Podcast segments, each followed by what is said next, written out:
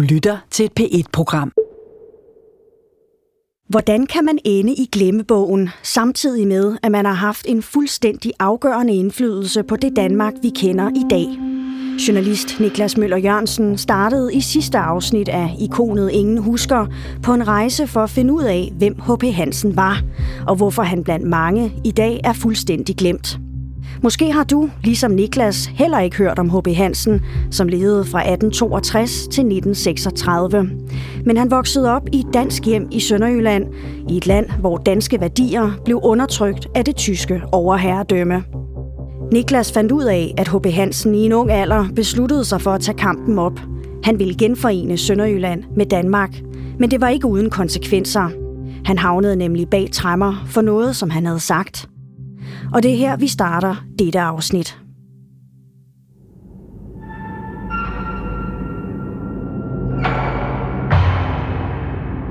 En lille træskammel står på det kolde cementgulv. H.P. Hansen sætter sig på den. Her sidder han, alene og i fængsel. Han har allerede bladret igennem det nye testamente, som ligger på bordet.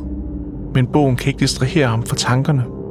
De kører rundt i hovedet på ham, og det eneste, der kan overdøve hans vrede, er stanken af forpestet kælderluft. I to år har han brugt avisen Heimdal til at skrive om tyske myndigheders undertrykkelse af de mennesker, som føler sig danske. Og nu, nu er han selv fanget. Dømt til at være indespærret. Dømt til at tige. Nu har den tyske overmagt ham lige der, hvor de gerne vil have ham. I fængslet og ude af stand til at kæmpe for, at Sønderjylland kan blive dansk igen. Herrejoppen hvor vi er samlede. Han har været parat til at gøre øh, hvad som helst. En ny tid er nu ved at opringe. Den vil stille os over for store opgaver. Hvis de ikke havde bakket op, så var der jo ikke blevet nogen genforening. Han er, er gået i glemmebogen, men det er jo altså øh, dybt øh, ufortjent.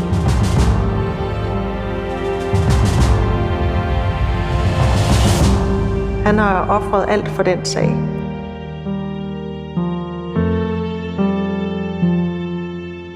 Ikonet Ingen Husker. Andet afsnit. Manden med de mange fjender. Jeg er taget tilbage på Rigsarkivet i Åben Rå, for at mødes med den mand, som har videt hele sit liv til at vække H.P. Hansen til live igen.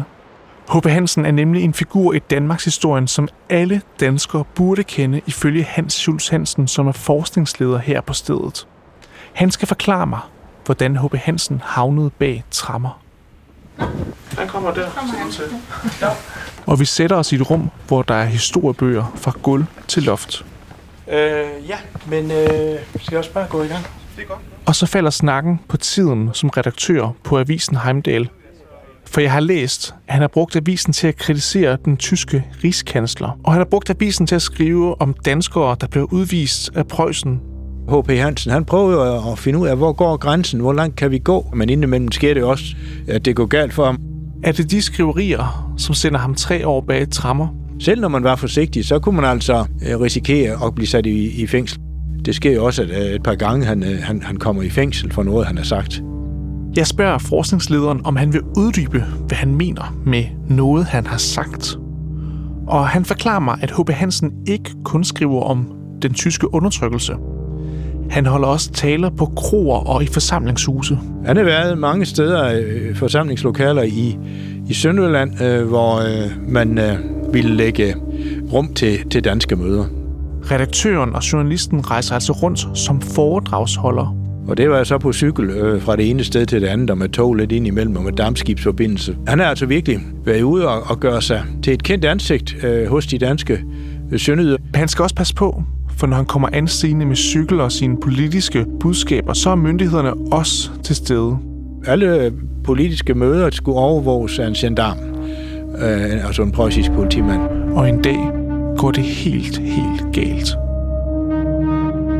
Det sker i 1895, da han i Møletønder på et møde siger, at, at, øh, at, at øh, genforeningen med Danmark, det er hans øh, mål, og Det er altså lidt skrab kost. Den slags skal danskerne passe på med at sige, for de kan dømmes til lange fængselsstraffe, hvis de siger højt, at genforeningen med Danmark er deres mission.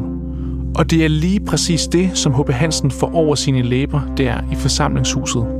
Han læner sig op af en anklage for højforræderi. Den tyske betjent sladrer om H.P. Hansens ordvalg. Og øh, det er selvfølgelig på grundlag af hans indberetninger, at anklagemyndighederne så vurderede, at her var det måske en sag. En måned senere står H.P. Hansen over for den tyske dommer Lindemann. Han skal overbevise dommeren om, at han ikke arbejder for at løsrive Sønderjylland og genforene det med Danmark. Og han argumenterer på livet løs for at undgå en lang fængselsdom. Når jeg tager vores afmagt i betragtning, så er det svært at forestille sig, at jeg vil opleve den ønskede forening med Danmark. Men lige lidt hjælper det. Den tyske dommer Lindemann sender ham i fængsel. Så nu er han der, hvor det her afsnit startede, nemlig i det ildelukkende fængsel, hvor han sidder modløs på en lille træskammel. Ham, der hjælper andre, er selv sat ud af spillet. Mange kom jo også til ham og, og søgte hans råd, øh, hvis de var i konflikt med de preussiske myndigheder. Eller... Det er jo næsten ikke den ting, han ikke tog sig af. Men H.P. Hansen har en fornemmelse af, at han er blevet snydt af myndighederne. Så han begynder at lægge en plan i fængslet, så han kan slippe ud. Og han ved, han har en chance, for han kender nemlig loven som sin egen bukselomme. Han læste jo selv øh, domsafgørelser for at se, øh, hvor, hvor grænsen gik hen. Og hvis han så kunne øh, få de lokale øh, myndigheder øh, altså ned med nakken, øh, så var det jo selvfølgelig en sejr. Det skaffede ham jo ry for at være sådan, hvad skal man sige, de danske søndyders borgerrettighedsforkæmper. Men nu skal han bruge sin store viden om paragraferne til at kæmpe for sine egne borgerrettigheder. Han klager til landsretten i Flensborg. Her skal en gruppe dommere kigge på sagen en gang til. Og det viser sig at være et klogt træk af H.B. Hansen. Han bliver frikendt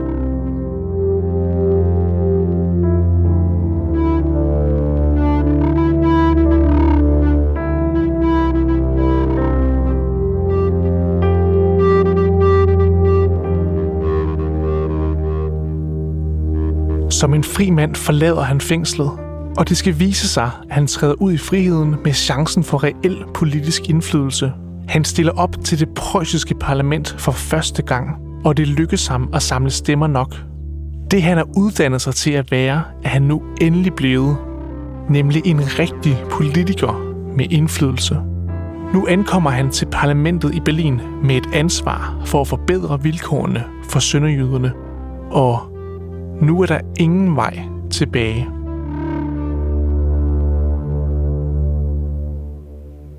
Men den politiske indflydelse skal vise sig at være vanskelig at opnå for H.P. Hansen. De var jo kun to, der blev stemt ind, altså der repræsenterede Nordslesvig. Og det er to dansksindede ud af i alt 433 medlemmer. Det siger sig selv, at øh, det har været lidt op ad bakke. Men H.P. Hansen giver ikke op, bare fordi han er i undertal. Han har stadig en stemme, og den bruger han, når han står på talerstolen. Her drejer taleren sig om overgreb fra myndighederne mod de danske sønderjyder. Mens jeg bladrer igennem historiebøgerne, så falder jeg over et eksempel på H.P. Hansens ordkrig mod tyskerne. H.P. Hansen holdte sin jomfrutale under finanslovsdebatten den 11. februar 1897. Den handlede om udvisning af danske kunstnere fra Sønderland. Nå, det virker det ikke til, at det har så meget med finanslov at gøre. Og H.P. Hansen opnåede i starten ikke meget ved at kæmpe for sønderjydernes borgerrettigheder fra talerstolen. Men så får den nye dreng i klassen sine første legekammerater, fortæller forfatter Pernille Jul. Der har også været mindretal repræsenteret fra Polen, øh, som man så kunne øh, slå pjalterne sammen med. Okay. Men, men, det, men der har ikke været så mange, der har været øh, stået inden for deres synspunkter, kan man sige. For mig er politik ikke at protestere. For mig er politik kunsten at opnå det mulige. Med polakkernes støtte er det stadig begrænset, hvad han kan opnå. Heldigvis kan H.P. Hansen drikke øl, og det lykkes ham at skole sig til politisk indflydelse, når han om aftenen drikker med medlemmer fra de to frisindede partier. H.P. Hansen finder nemlig ud af, at de har et hovedprincip i deres ideologi, og det er lige ret for alle. Og det gælder også det danske mindretal. Men det er langt fra alle, der har lyst til at være drikkekammerater med H.P. Hansen. For langt fra landdagen i Berlin forener de tysksindede sig i Sønderjylland. Og polerne mellem de danske og tyske sønderjyder vokser. Og en dag kommer konflikten helt hjem i H.P. Hansens stue, da den tyske kejser Wilhelm den anden fylder år. Kejserens fødselsdag var sådan den store årlige nationale fest for de tysksindede. Og øh, den blev så fejret også med fælles spisning og dans og musik og det hele. Og i forbindelse med kejserens fødselsdag, der øh, foranstaltede de tysksindede jo mor jo typisk øh, optog gennem byen. De går rundt med fakler, og på deres tur gennem gaderne, så kommer de forbi H.P. Hansens hjem. Og her opdager de, at den danske politiker har valgt at undlade at fejre kejserens fødselsdag. Han har jo ikke øh, tændt lys øh, for kejseren. Og det provokerer. Derfor var der så nogen, der smed sten ind gennem ruderne. Stenene knuser ruderne og lander inde hos H.P. Hansens kæreste eje, nemlig børnene, som sover i deres senge. Den lille Helga på knap et år har nok været for lille til at forstå alvoren. Men den ældste Anne-Marie på 8 år og de tre mellemste børn må have været skrækslagende. Så det var jo en temmelig traumatisk oplevelse for, for familien Hansen.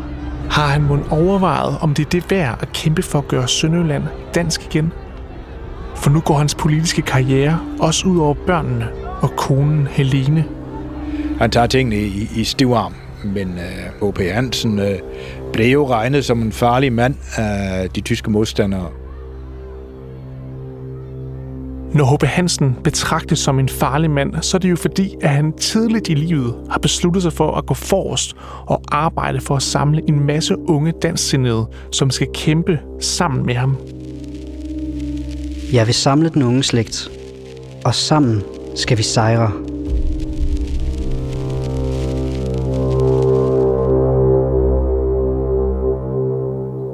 H.P. Hansen forsøger at samle ungdommen og få etableret en slags græsrodsnetværk. Det består blandt andet af såkaldte vandrelæger, der tager rundt på gårde og underviser børn i dansk. For i skolerne bliver der stort set kun talt tysk, og så skal der altså findes nye løsninger, så nye generationer fortsat kan tale dansk i Sønderjylland. Men H.P. Hansens hjælpere bliver også chikaneret fra tysk side. Og H.P. Hansen selv, han går heller ikke fri. For den mest magtfulde mand i landet holder skarpt øje med både H.P. Hansen og med resten af den danske bevægelse, som vokser sig større og stærkere. Nu skal skruen altså strammes over for øh, de danske sønderjyder, og øh, en af dem, som jo virkelig er, er sure på de danske sønderjyder, det er kejser Wilhelm den anden. Fra sin trone sidder han og læser indberetninger om H.P. Hansen og hans danske partikollegaer i de to parlamenter i Berlin, Landdagen og Rigsdagen. Og en af de andre danske politikere er kejseren rigtig godt træt af. Og det er H.P. Hansens mentor, Gustav Johansen. Det er ham, der har lært H.P. Hansen at begå sig som politiker. Han udtaler sig dansk øh, venligt, og det gør han jo tit. Jamen, øh, så øh, tilføjer kejseren så ud i markenen på indberetningen, at jeg vil have ro, og øh, nogen må engang give øh, Johansen en ordentlig en på skallen. Og så en dag ender kejserens notater hos en mand, som måske har set sit snit til at gøre kejseren glad. Og det er den nye overpræsident i provinsen Slesvig-Holsten. Overpræsident Ernst Mathias von Køller. Køller samler sine embedsmænd i Gråsten, og her udvikler de nye love og regler, og de beslutter sig for at benytte udvisningsvåbnet meget mere intensivt, end det hidtil øh, var tilfældet. Nu er den såkaldte køllerpolitik indført. Det er en historisk begivenhed, som jeg må indrømme, jeg aldrig har hørt om før. Men jeg finder hurtigt ud af, at det er begyndelsen på en usikker tid for de dansksindede. Han skulle få dem til at makke ret og få dem til at blive tyske i en fart. Det er altså den modstand, som H.P. Hansen og resten af den danske bevægelse står overfor her i slutningen af 1800-tallet. Nemlig den hidtil største undertrykkelse af det danske mindretal. Og problemerne for H.P. Hansen vokser sig kun større. For Køller og hans embedsmænd får pludselig øje på det svageste led i den danske bevægelse. Og det er en stor gruppe mennesker, hvis eksistens jeg først er ved at lære om nu. Nemlig de såkaldte optanter. Det er dem, man kan udvise, uden at skulle give sådan øh, nogle nærmere begrundelse for det. Og de har kunnet tælles i tusindtal i Sønderjylland for over 100 år siden. De mange optanter er en torn i øjet på køller. For mens han forsøger at udrydde den danske kultur i Sønderjylland, så har optanterne valgt at holde fast i deres rødhvide sindelag. Og hvordan hænger det så sammen, tænker du måske? Jo, efter krigen i 1864, hvor Sønderjylland blev tabt til de preussiske styrker, så havde sønderjyderne en mulighed for at beholde deres danske statsborgerskab. Selvom de altså ikke længere boede i et område, som var tilknyttet Danmark. Med andre ord, så kunne de vælge mellem at være danske eller tyske statsborgere. Forvirret? Ja, det er noget vældig kompliceret noget. Men det betyder altså, at her mange år efter krigen, så er Sønderjylland ved at miste en stor del af egnens danske islet. For den indførte køllerpolitik betyder helt lavpraktisk, at optanterne kan forvises fra hus og hjem. Og dermed vil den danske bevægelse hurtigt svinde ind, hvis tusinder udvises fra Sønderjylland. Øh, der er optanterne, de er altså på herrens mark. Og øh, derfor, hvis de øh, træder til en side, øh, jamen så risikerer de at blive udvist.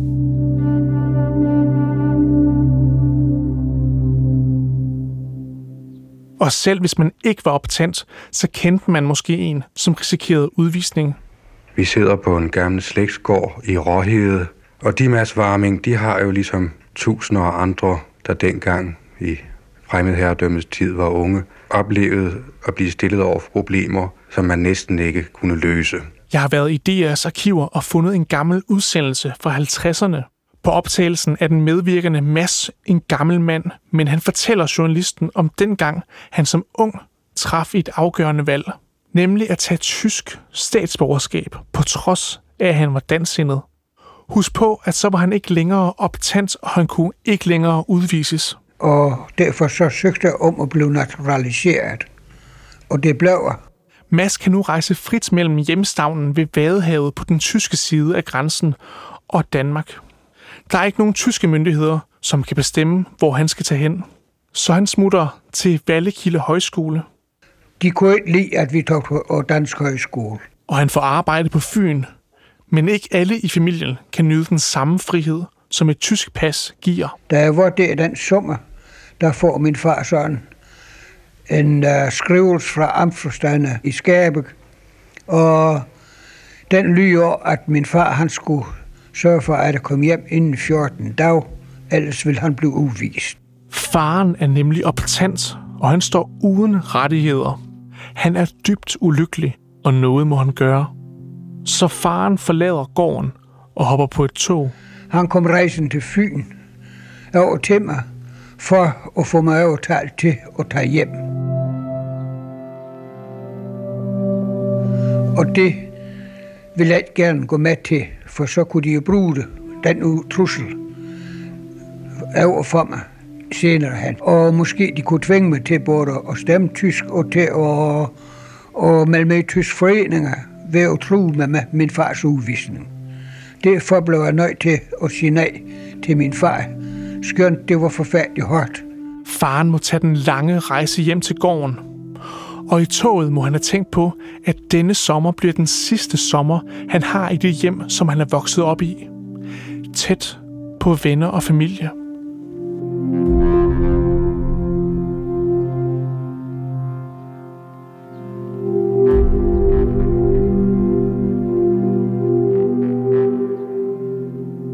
Det var forfærdeligt strengt for mig at tænke over, at min gamle far han skulle nu vises ud, og det var min skyld.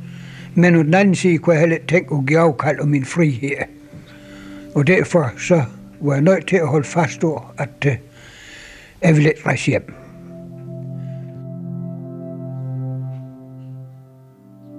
Familien er skilt ad. Far og søn er nu på hver sin side af grænsen – Historien her er bare en af mange historier om familier, der blev skilt ad på grund af tyskernes strenge udvisningspolitik. Og historien er en af mange, hvor H.P. Hansen også er en del af persongalleriet. For H.P. Hansen forsøgte at hjælpe mange familier. Også Mads og hans udviste far. H.P. Hansen ville nemlig have sagen for en domstol. Men den her sag var en af dem, som H.P. Hansen tabte til overmagten. Og faren fik først muligheden for at vende tilbage til sin hjemstavn mange år senere, da han lå i en kiste. Og så måtte vi søge om at få lov til at få ham hjem og begrave ham herhjemme på kirkegården.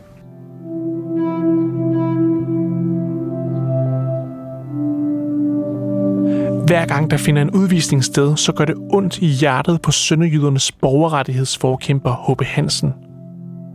Men han lærer også noget vigtigt af dem, og han indser, at han ikke kan klare det alene, hvis han skal overvinde Køllers politiske hets.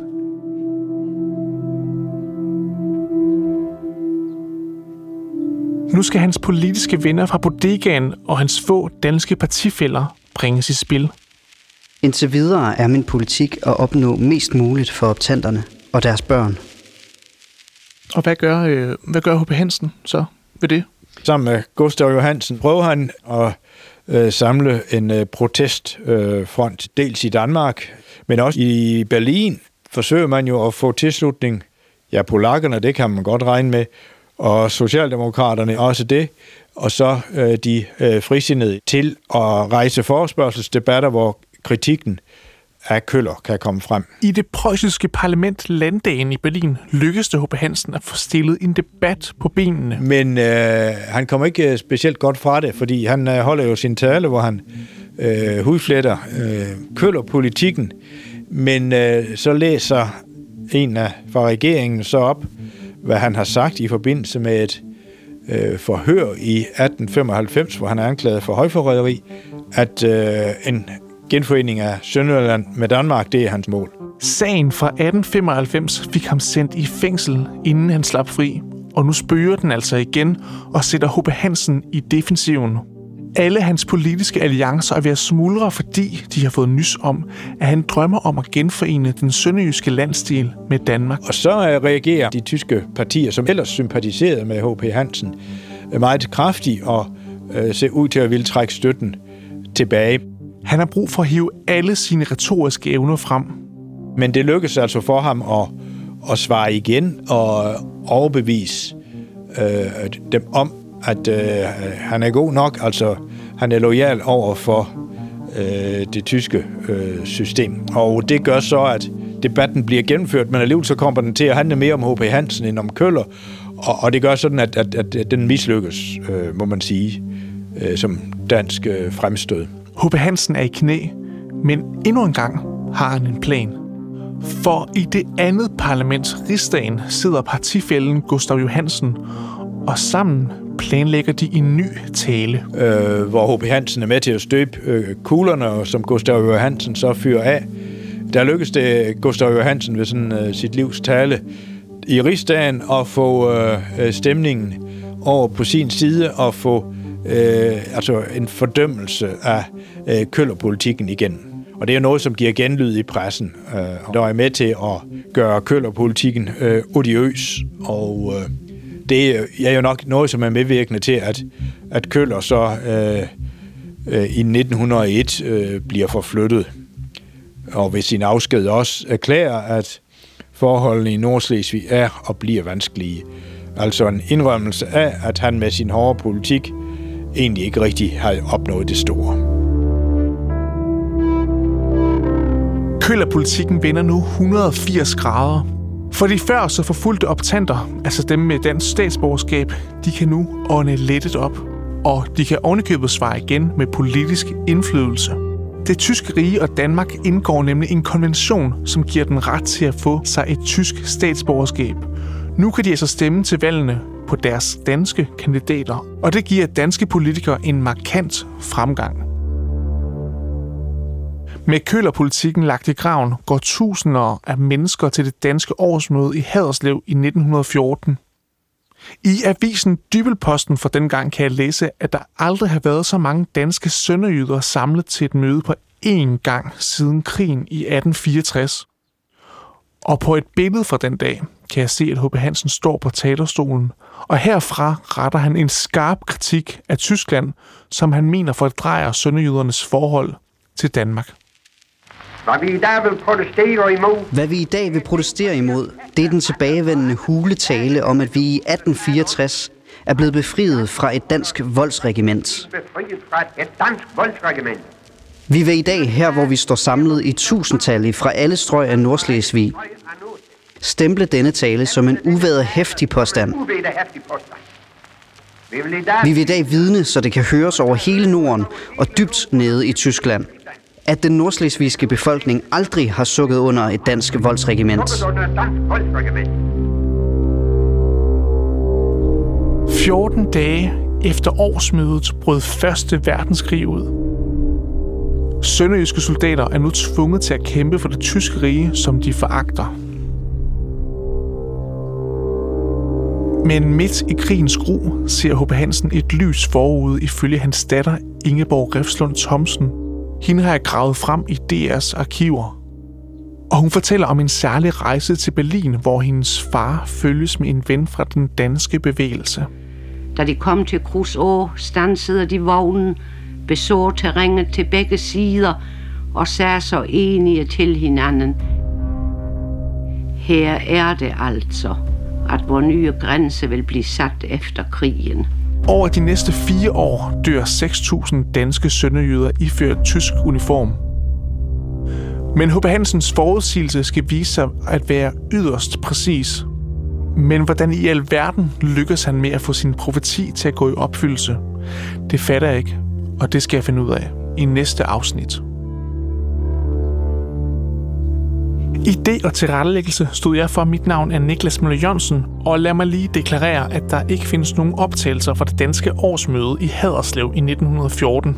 Men H.P. Hansen han har indtalt flere af sine taler til Statens Film- og Stemmearkiv få år før sin død i 1936. Og det er de optagelser, som du har hørt klip fra. Du har også hørt Asbjørn Møller lægge stemme til H.P. Hansens citater, som jeg har oversat til et nutidssprog, så de kan forstås af vores moderne ører, men øh, budskaberne er de samme. Klip og lyddesign er lavet af Mikkel Reschat Holm. Redaktør er Anne Skjerning, og Jens Konrad er programansvarlig. Du kan finde alle P1-programmer på dr.dk-p1. Det giver mening.